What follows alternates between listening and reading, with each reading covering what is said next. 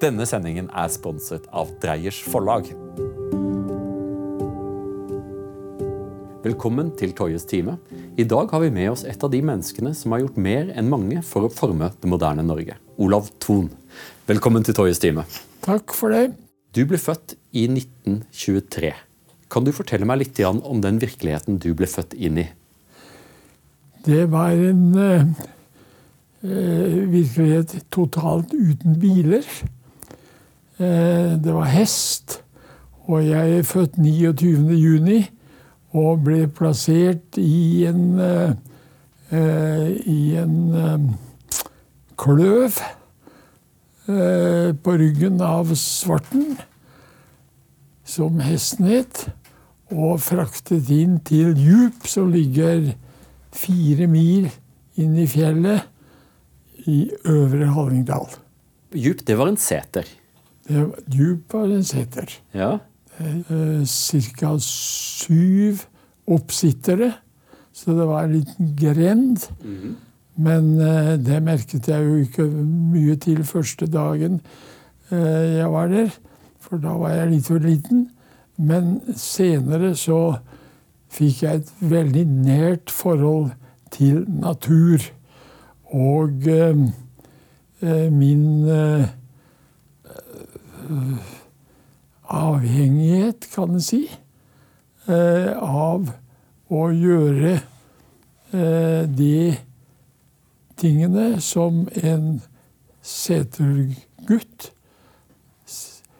eh, var forpliktet til å, til å gjøre. Vi har jo kjent hverandre litt grann, eh, opp gjennom årene. For, eh, for, du var jo en nær venn av min bestefar, Asbjørn Toje. Ja. Eh, så jeg, jeg, tillater meg å, kalle, å, å si Olav. Ja. Eh, du blir født i Hallingdal. Eh, på et tidspunkt hvor det er harde tider i Norge. Første verdenskrig medførte en stor økonomisk krise og den satt igjen i mange år etter. Hvordan påvirket dette din familie? Var det, var det, var det mye penger i familien, eller, eller lite? Ja, det var ganske lite. For min far Han øh, hadde øh, fått for seg at øh, Holsvassdraget, som lager kraft for det programmet som eh, du har brakt meg opp i dag, ja. eh, eksisterte. Det var eh, nødvendig med kraft, mente min far. Mm -hmm. Og han eh, begynte å samle eh, vassdrag for å selge til Oslo kommune. Oh. Så, så, han var forutseende, for så vidt. Dette var i ø, år ø, Det må ha vært i 16, da. 1916, ja. Så det er under, under annen verdenskrig. Så ser han at, at vannkraft det kommer til å være måten å skape elektrisitet i Norge. Ja, det gjorde han. Og det var en sørgelig sak for så, så vidt. Ja. For eh, han skrapet sammen eh, de få pengene som en eh, eh bonde eh, kunne klare å skaffe. Mm. Og trodde at han da skulle finne kjøper og, og få oppgjør. Og så fikk han ikke det.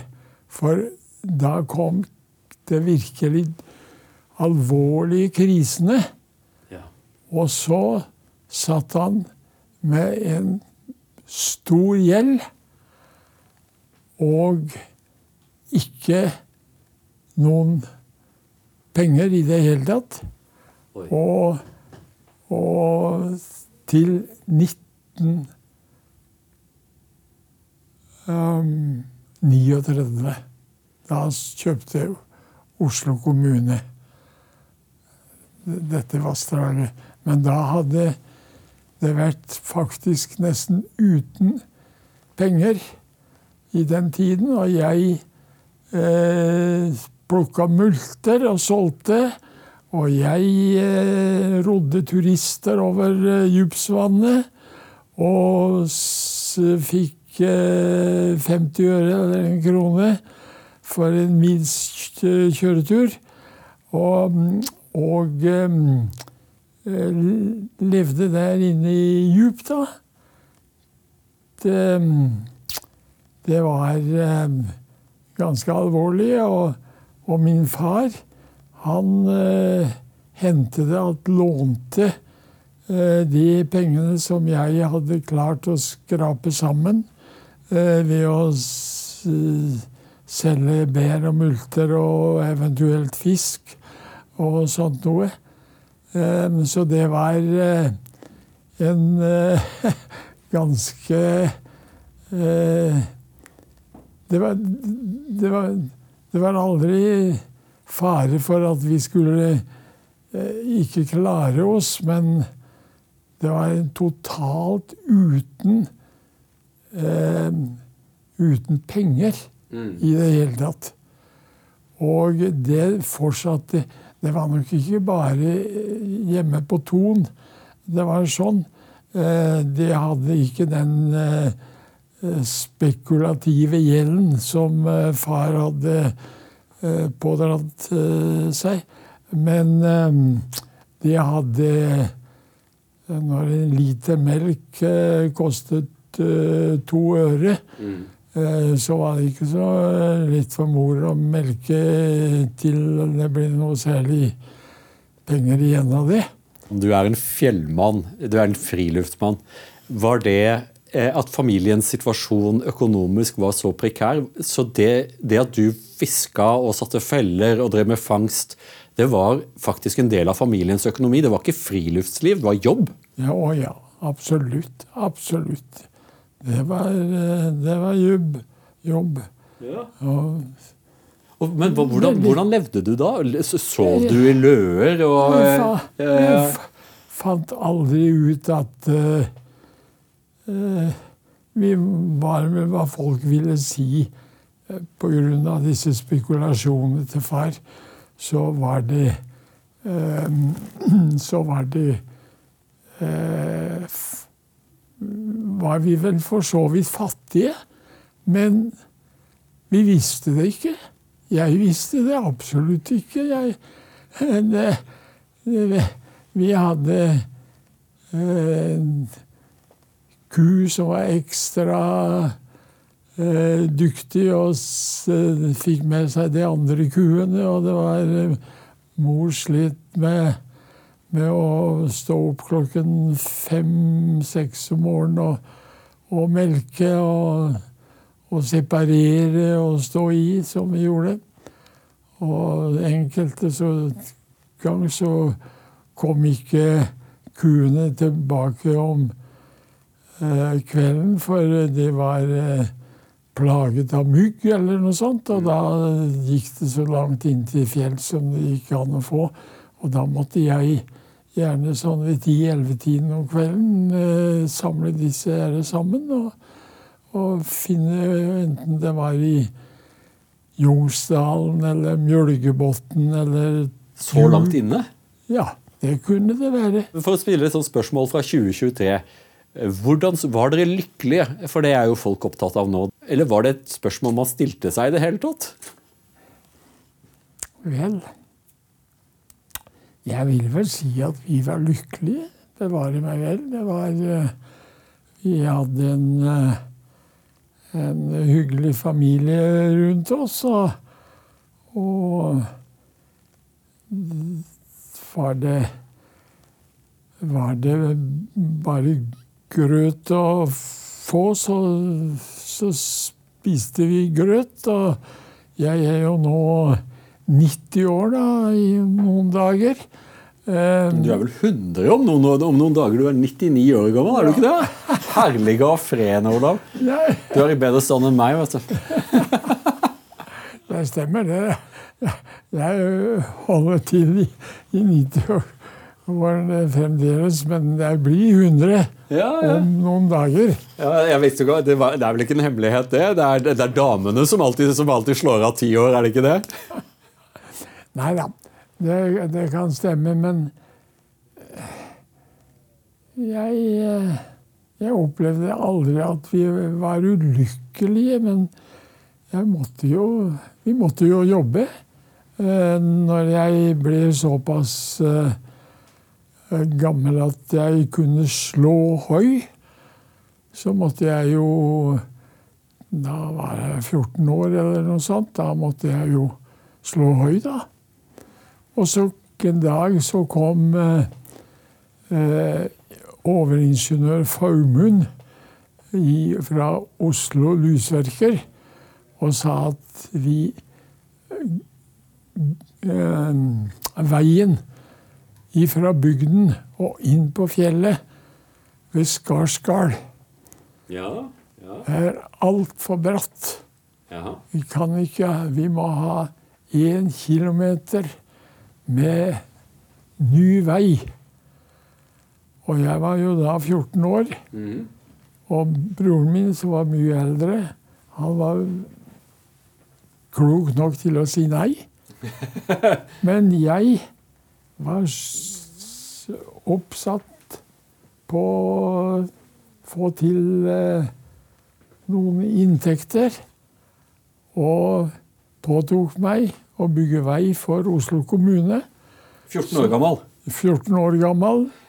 Da kjørte jeg Eller syklet.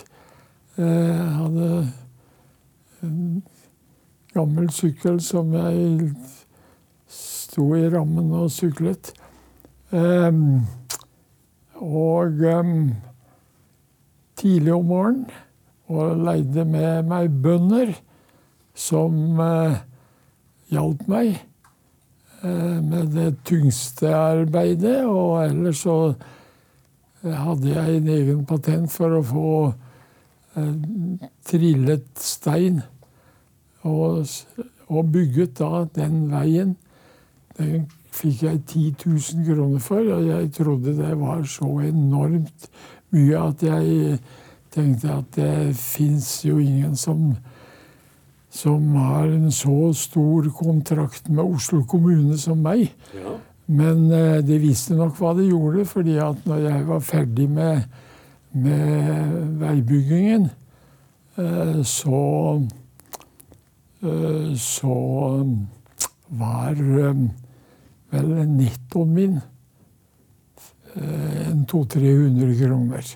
Min bestefar Asbjørn, eh, Asbjørn Toje var jo og fiska en del med deg de dagene. Altså, og, bestefaren min sa at eh, Olav han er den seigeste hallingen han noen gang har møtt på. At du, du, du, gir deg jo ikke. Hvordan fikk du det mindsettet der du bare klarer å jobbe og jobbe og jobbe og jobbe? Var det noen ting som bare var lagt i deg av, av Vår Herre, eller var det noen ting som kom fra slekta? Jeg tror, pussig nok, alle ville si at um,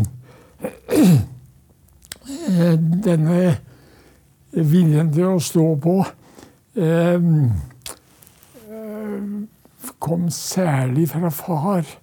Eh, som jo da hadde gitt seg ut for spekulasjoner og i det hele tatt var en gløgg og dertil en kraftig kar. Men jeg tror det er virkelig seige eh, del av livet. Det må jeg i tilfelle, hvis jeg har fått det fra mine slektninger, så må jeg ha fått det fra mor. Hun, hun, var et formidabelt kvinnfolk, har jeg hørt. Ja. Hun var, hun var bitte liten. Ja. Men eh, jeg husker en natt eh, hvor kuene var blitt borte. Eh, og jeg ble sendt ut for å, for å prøve å finne kuene og få jaget det inn så, så vi fikk melket det. Og jeg, det må ha vært ved ellevetiden eller noe sånt om natten. Så sto mor og melket med hånd da disse her eh, 12-14 kuene. Og, og jeg eh, fikk eh, Da hadde vi fått separator. Mm. Eh, Som skilte melken og fløten? Ja, skilte melken. Og, og, jeg fikk oppdraget å, å dra separatoren. Ja. Og mor syns nok ikke at jeg eh, dro fort nok, eller noe sånt. Den skulle jo være, ha en fart på det separatoren for å, at den skulle bli god fløte. Mm. Og da husker jeg mor dukket opp bak meg og sa du må kjempe. Du må kjempe. Og jeg fikk krampelatter. For jeg tenkte jeg er klokka elleve om kvelden eller om natten. Så, så, skal vi kjempe for å få melket disse forbaskede kuene som ikke hadde vett til å komme tilbake til meg. Så eh, mange sånne små trekk som jeg tenker på mor Eh, så blir det mer og mer klart at, at eh, hun hadde én egenskap, og det var aldri klage. Jeg kan ikke huske at mor klaget. Hun hadde det vanskelige. Eh, det kunne være storm på vannet. Djupsvannet var stort. Det kunne være farlig sågar. Men mor Hun hadde bare én ting å gjøre, og det var å kjempe bølgene. Hun Måtte, vi måtte i land med tiden. Og den lille, bitte lille damen på 150-60 eh, centimeter hun, hun, hun kom i land hvor det skulle være. Men Nordal, vet du at, jeg tror at det ligger noe visdom i dette, eh, som kanskje kunne være av nytte til folk. At hvis du ikke kjenner så godt etter, hvis du kjenner godt etter, så har du nok vondt et eller annet sted. Hvis du ikke kjenner så godt etter, og det er det alle som har vært på tur, ordentlig tur i fjellet eller i skauen Det som er uakseptabelt, er å klage. Og det er rart med det at du glemmer gnagsårene. Du glemmer at du hadde vondt. Du husker bare turen. Og er, gi det to dager, så var det den flotteste turen uansett. Men hvis du begynner å klage, går du aldri på tur igjen. Nei, det, det gjør jeg ikke. Men to ting lærte jeg. Jeg måtte aldri banne. Uansett hvor ille det var, så hendte det at uh, gutter fra nabogården og sånt noe. Ute, og da ble mor aldeles rasende. For det går ikke an. Og man, du skal løse problemene. Det er det du skal gjøre. Og senere så eh, har jeg fått en meget god venn som heter Erling Kagge. Han har gått til Sydpolen, gått til Nordpolen og mye rart eh, Monteveres og sånn noe. Og han, han, sier at det var én ting de lærte. Å aldri bli oppsett og aldri banne. Mm.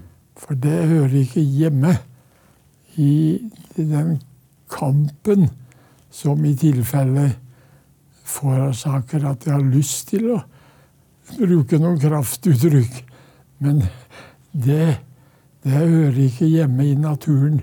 Denne sendingen er sponset av Dreyers forlag. Dreyers forlag gir ut mange gode konservative bøker, men en bok som vi skal reklamere for i dag, er Eric Kaufmanns 'Det hvite skiftet'. Det er til alt overmål en bok jeg har lest selv, og vil anbefale dere alle å lese. Det er en bok som forklarer mye av den sterke polariseringen vi ser i vestlige samfunn i dag.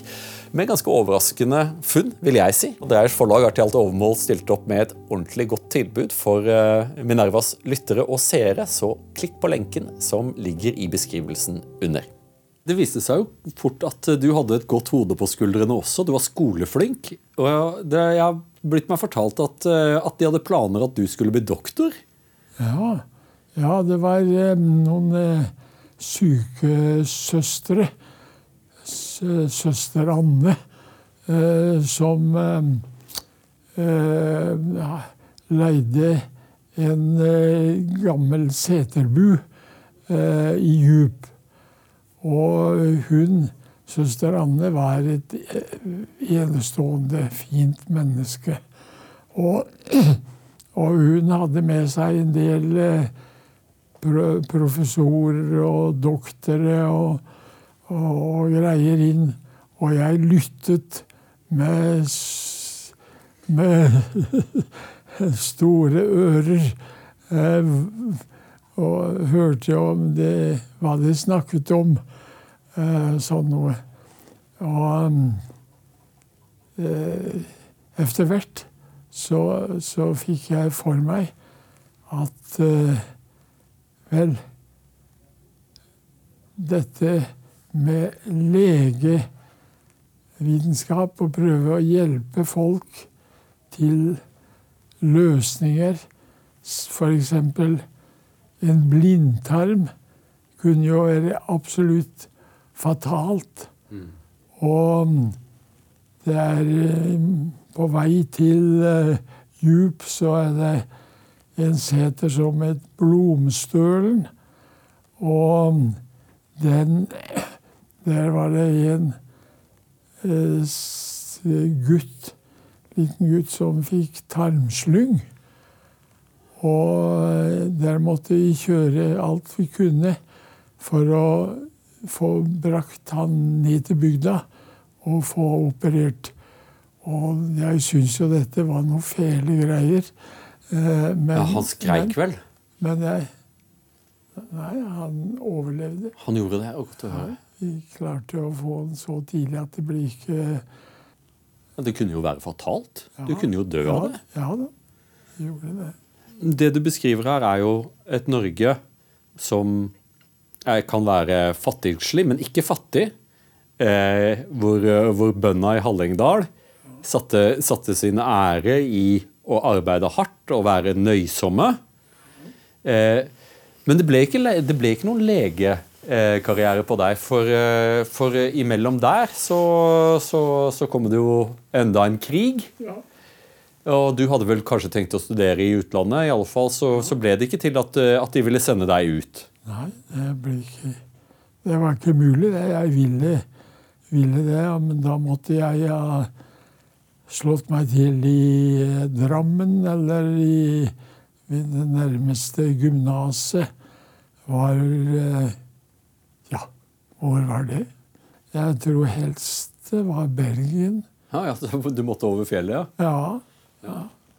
Det iallfall um, Det ble at jeg isteden kjøpte noe reveskinn og dro til byen. Ja, for du kjøpte to reveskinn. Det er eh, prominent i selskapets logo. To reveskinn. Hvor mye fikk du for disse reveskinnene? ja, jeg vet ikke. Ja, men eh, var, Men det, var det god butikk? Det var jo det, fordi at uh, Omtrent uh, det, det folk glemmer, det er jo Når de nå snakker om at det er galt å drive med pelsdyroppdrett, f.eks. Eh, og det kan være mange meninger om det. Men eh, det var jo en kjensgjerning at eh, tusenvis av bønder ville ikke ha klart seg i de harde 30-årene hvis det ikke hadde vært pelsdyroppdrett. Mm. Så det var, det var pelsdyr overalt. Og når krigen kom, så ble det kanin også. Mm. Kaniner ble hengt på veggen til tørk, altså når det gjaldt eh, skinnet. Mm. Og jeg eh, dro nedover på sykkel og syklet rundt helt nedover mot Hønefoss-kanten. Og og samlet sammen kaninskinn mm -hmm. og solgte med god fortjeneste. Og, og, jeg fikk så mye kaninskinn at jeg leide en kjelke mm -hmm. på, på um, eh, Vestbanen, hvor Bergensbanen kom inn. Ja. Og, og eh, eh, vi hadde en eller to store sekker med kaninskinn opp av kjelken, og så dro jeg kjelken rundt omkring i byen til jeg fant ut at der sto det pelshandel. Ja. Og da gikk jeg inn og lurte på om de skulle ha kaninskinn til eh, kåper og andre ting. Og De brukte jo kaninskinn til fôr. Det er jo nydelig Det er jo nydelig pels, og den er jo fryktelig god og varm også. De bruker det jo mye i sko og sånne ting. Men fortell meg, hvordan hadde det seg at du slo deg på eiendom? Fordi din far eh, hadde begått en investering eh, som, eh, som, satte, som, satte, familien i en i, i vanskelig økonomisk situasjon. Hvordan våget du som sønnen å gå inn i forretninger med den bakgrunnen? Hvordan, hvordan, hvordan fant du ut at eiendom, der er det noe? Ja, Eh, det begynte jo ikke med eiendom. Det begynte med at jeg eh, leiet et bitte lite lokale på Volvat. Eh, og startet en bitte liten butikk med Volvat pels. Og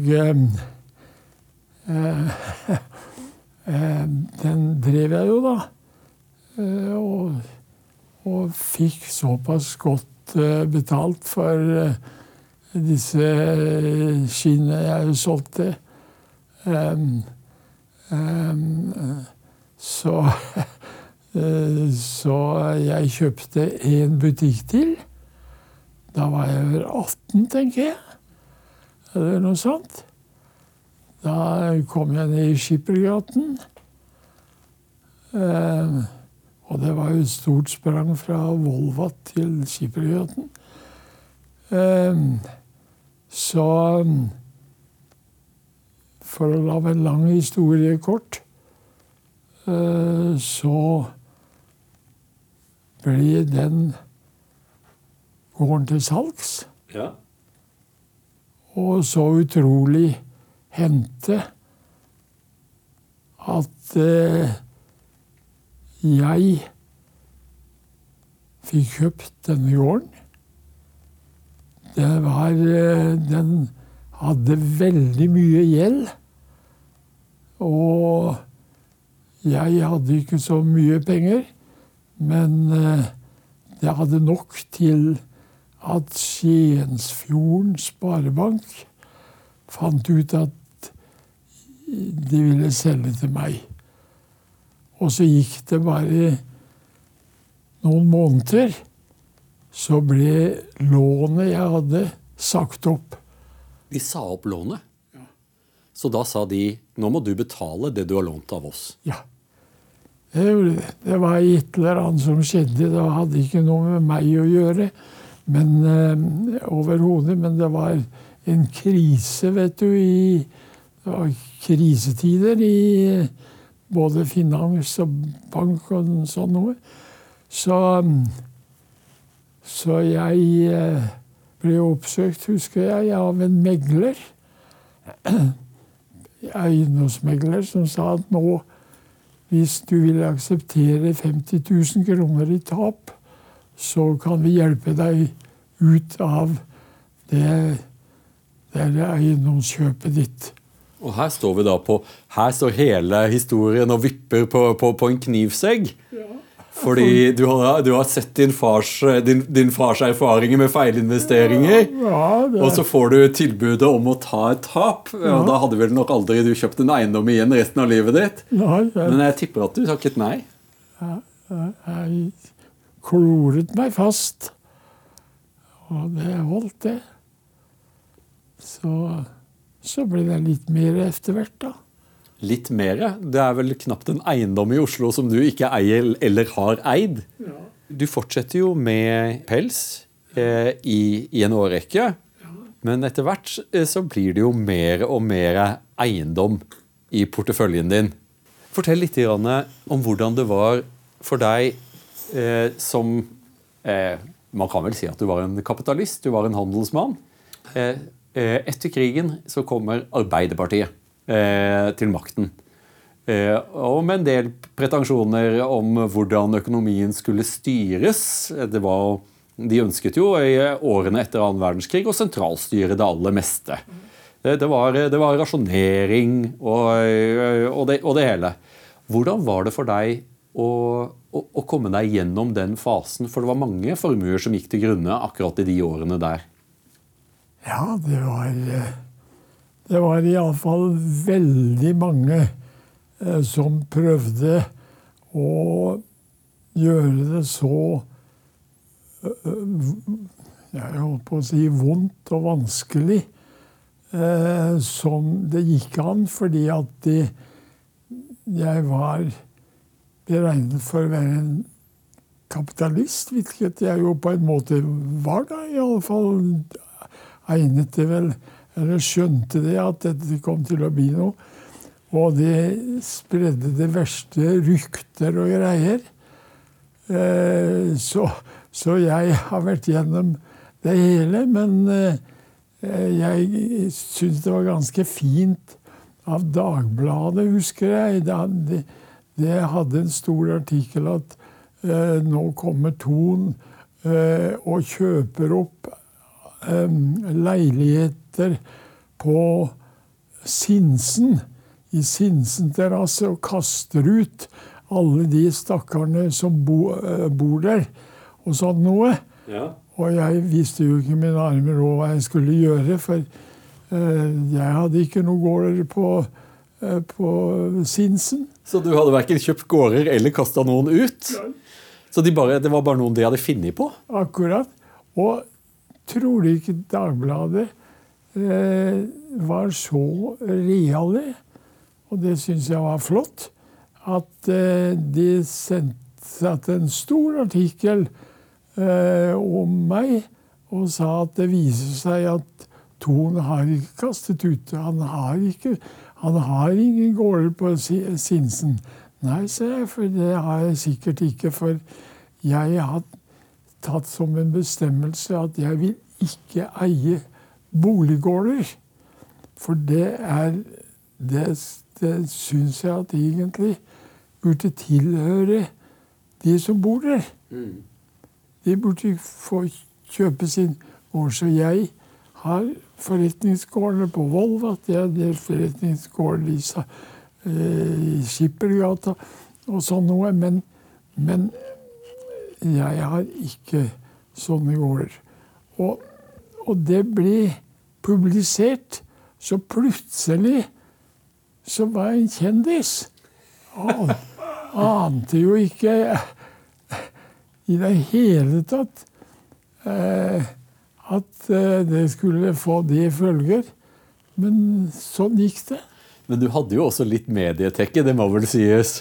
For jeg har, jeg har, jo, jeg har jo, lest i avisene Du var jo Du fremsto jo som eh, Bare i, avisartikler så, så du fremsto jo som en målrettet halling. Eh, blid. Og, eh, og, det virket jo som at journalistene likte deg litt også. For du, du, var jo et friskt pust i et Oslo hvor de som hadde penger, hadde hatt penger lenge. Og du var en ny mann i byen. Ja, ja det er veldig i Hvis du skal fremstå for, for media eller sånn, så er tror jeg er veldig viktig å være naturlig, være deg selv. Hvis du er deg selv, så skal det Du har gjort veldig mye gærent for å ikke bli eh, anerkjent for det du gjør. Mm. det er omtrent som eh, Eh, Luther i sine gamle dager, når han sto oppe på hva det er, Vorm Riksdagen Worms, ja. Worms, hvor han sa 'Her står jeg og, og kan ikke annet. Gud hjelpe meg. Amen. For du har klart å gjennom skiftende tideverv og ulike økonomiske doktriner og ulikt politisk lederskap, så har du bitt deg fast. Du har ikke, la, du har ikke latt deg bli, bli feie med av, av, tidens elv. Nei. Nei. Men fortell meg litt, Jan. Eh, du er jo berømt for å være nøysom. Eh, er det noen ting Har du aldri i løpet av disse årene For du kommer jo Du er jo en ung mann. Eh, eier av bygårder. Hvordan klarte du å ikke bli dratt inn i fest og tull og kvinnfolk og overkonsumering? Hvordan, hvordan unngikk du det? For nøysom har du vært hele livet. Ja, det har jeg. Det har jeg. Men um, den nøysomhet eh, har ikke vært noe problem for meg. For jeg syns at havregrøt er bedre enn russisk kaviar. Og jeg skjønner ikke hvorfor man skal spise noe eh, som er eh, Som er eh, godt i folks vanlige øyne, hvis det er noe annet som er enklere og bedre. Og aldri har vel vi fjellvandrere eh, merket at vi har så inderlig glede av et måltid mat som vi får når vi går på Den norske turistforenings hytter og får en, eh, en eh, porsjon eh, fårikål i, i boks eller, eller hva det nå må være. Oh, det, dette var da voldsomt til luksus. og så da jeg, da, jeg gikk, da jeg, gikk, i fjellet med bestefar, så hadde vi havregryn i en pose i lomma. Ja. Eh, og så gikk vi der og, og tygde, på, tygde på havregryn. Ja. Det, det, er masse energi i det. Eh, godt smaker det. Og det. Og det er mye kraft i det også. Holder i lange baner. absolutt.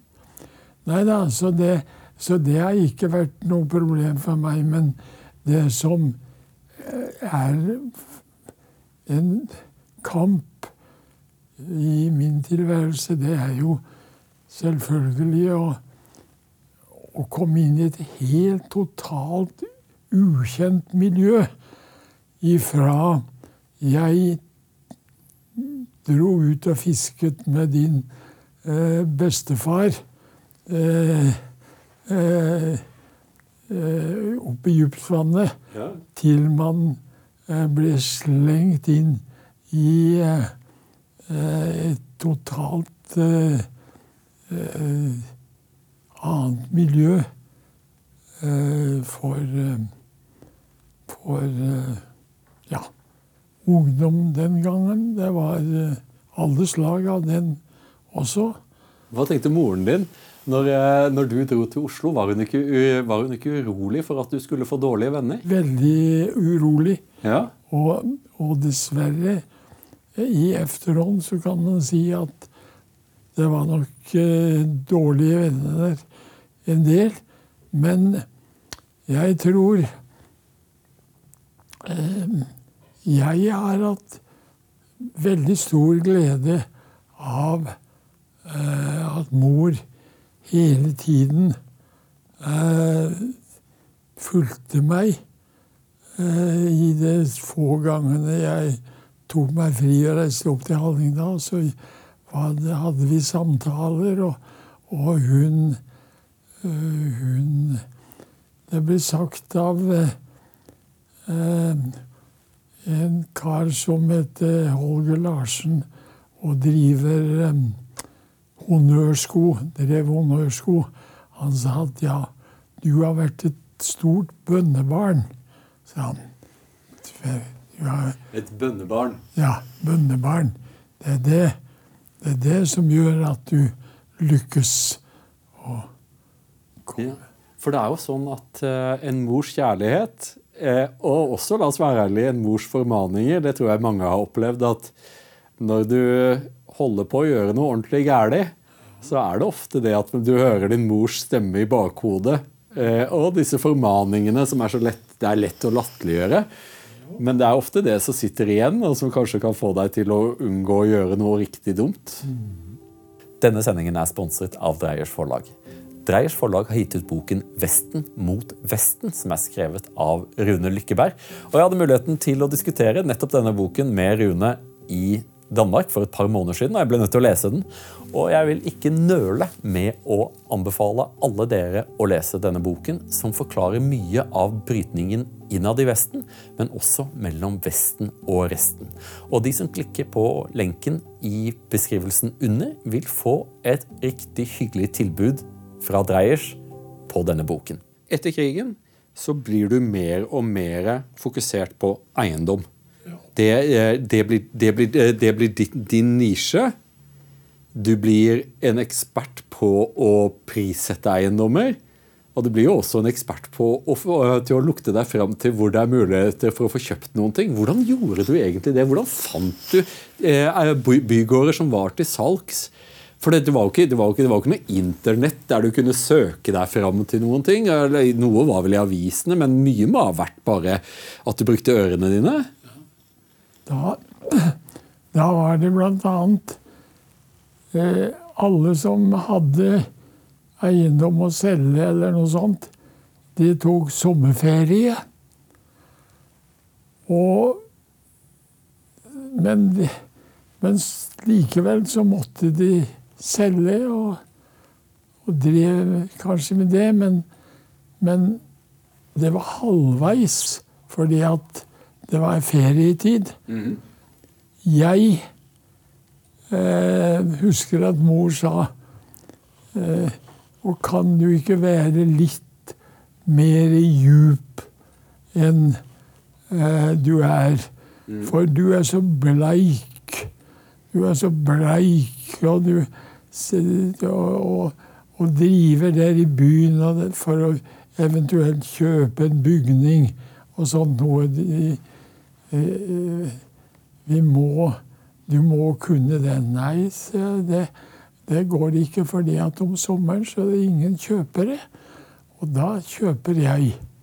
Så sommeren, da byen var tom og alle dratt på ferie, da var, da, da var Ton ute og handla. Veldig bra. Men så, for du, du jobba så himla mye. Du jobba jo alle døgnets tider. Hvordan klarte du å holde deg frisk? Du jobba fra soloppgang til solnedgang sju dager i uka. Eh, avbrutt av kirketid, og det var det? Ja. Jo, men jeg gjorde jo det. Jeg gjorde det, og tok åpenbart ikke så veldig mye skade av det. For jeg er jo tross alt blitt forholdsvis gammel, da. Og, og mor som jobbet sikkert enda mer enn noen annen jeg kjenner, har jobbet. Hun ble noen og nitti og sånn noe. Jeg tror ikke det at folk eh blir eh, verken dårlig eller, eh, eller eh, får andre problemer av å arbeide, men det de eh, får mange skader av, det er det de ikke gjør når de arbeider. For å snakke politikk eh, Det er kanskje den største feilen eh, Arbeiderpartiet eller eh, eh det venstreorienterte eh, har gjort, det er at eh, du må for all del ikke arbeide med noe i verden uten at du får godt betalt. Mm. Du, du, må først og fremst passe på penger. Jeg husker det var noen, noen eh, studenter sånt i Bergen som uh, sa at vi, eh, kunne få jobb, men de fikk ikke jobb fordi at de fikk for dårlig betalt.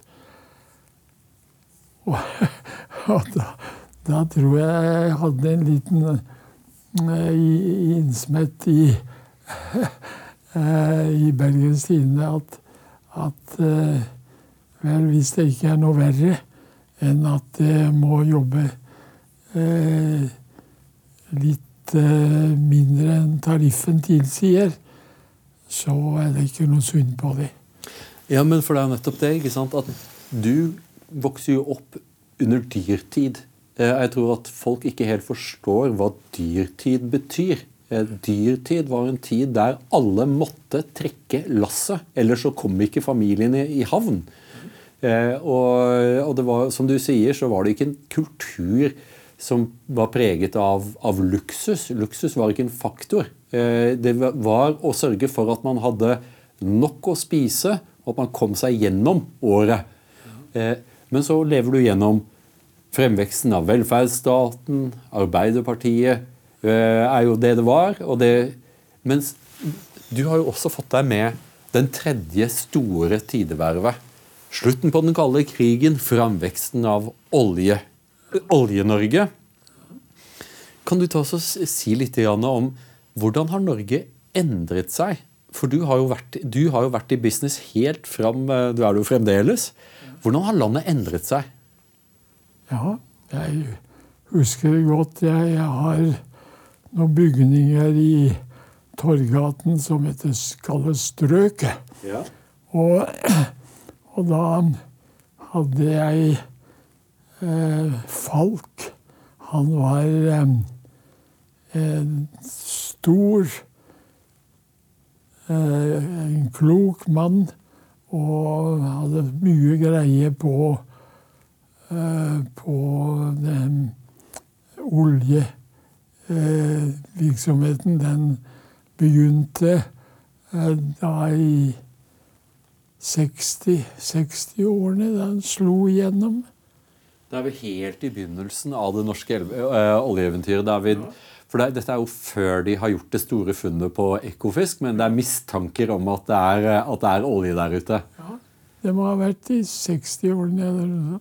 Ja. Og da husker jeg folk sa det at den største utfordringen, det kommer til å bli hvordan skal dette kommer til å forandre menneskers eh, tilværelse og mentalitet. Det kommer til å være det største problemet. Jeg har aldri glemt eh, direktør Falkan øh, Var det Vesta?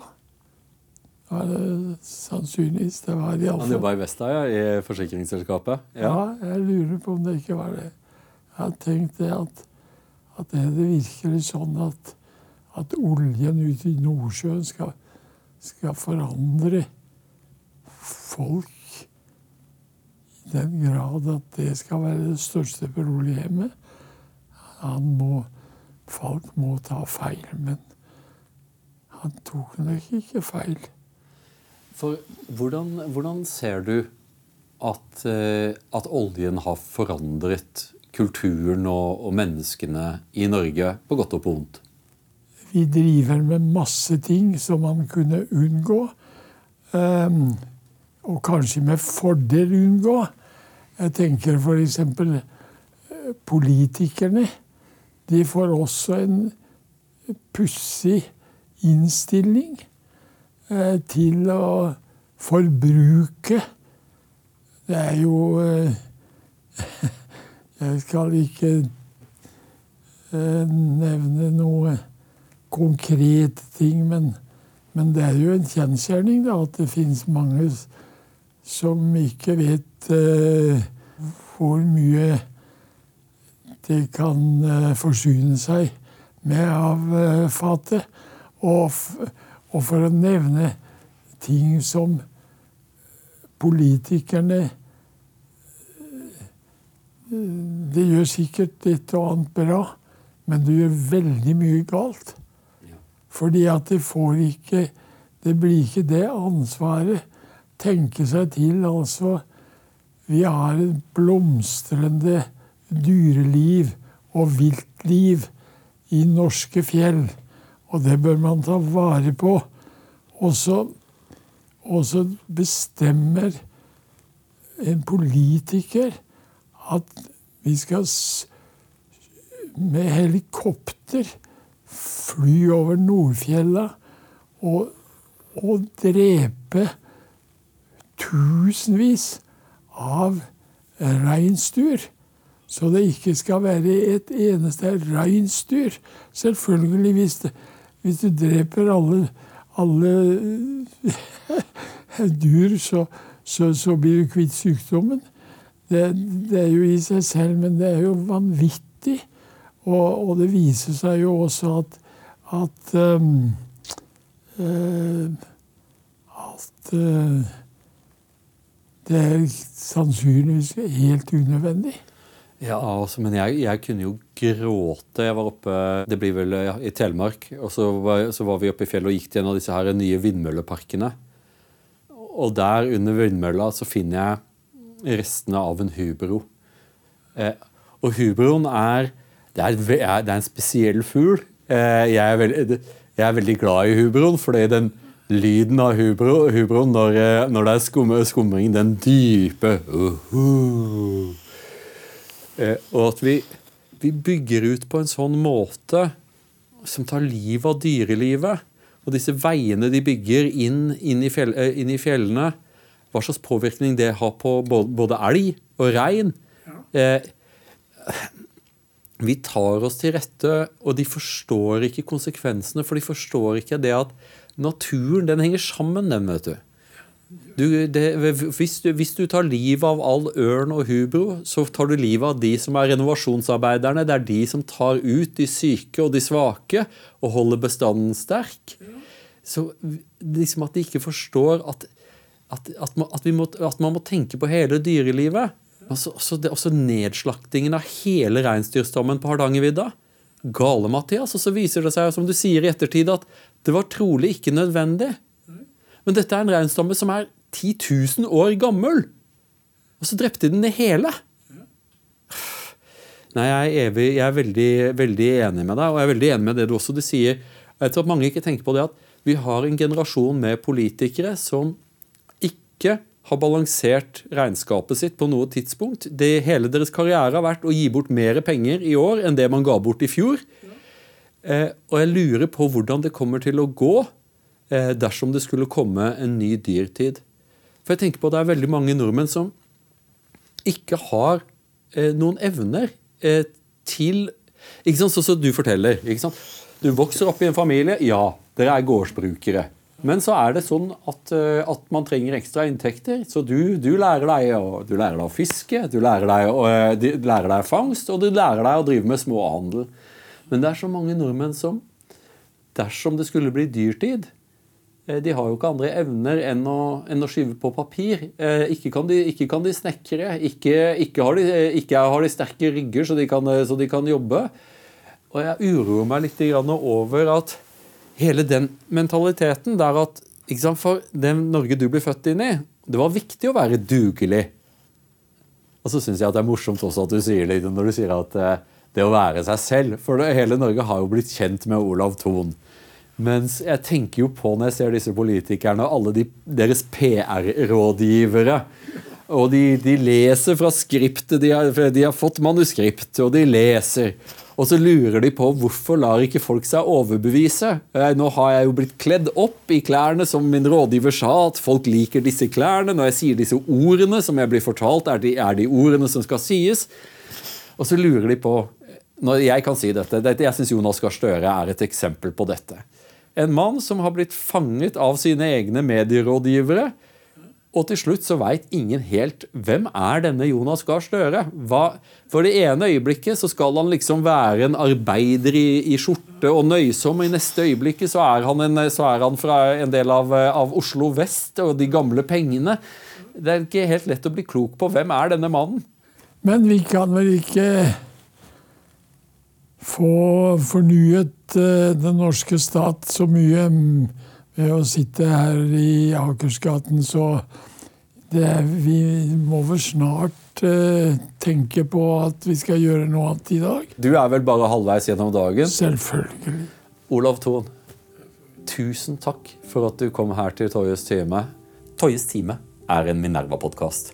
Og Minerva har et tilbud til deg som ser på denne sendingen på YouTube.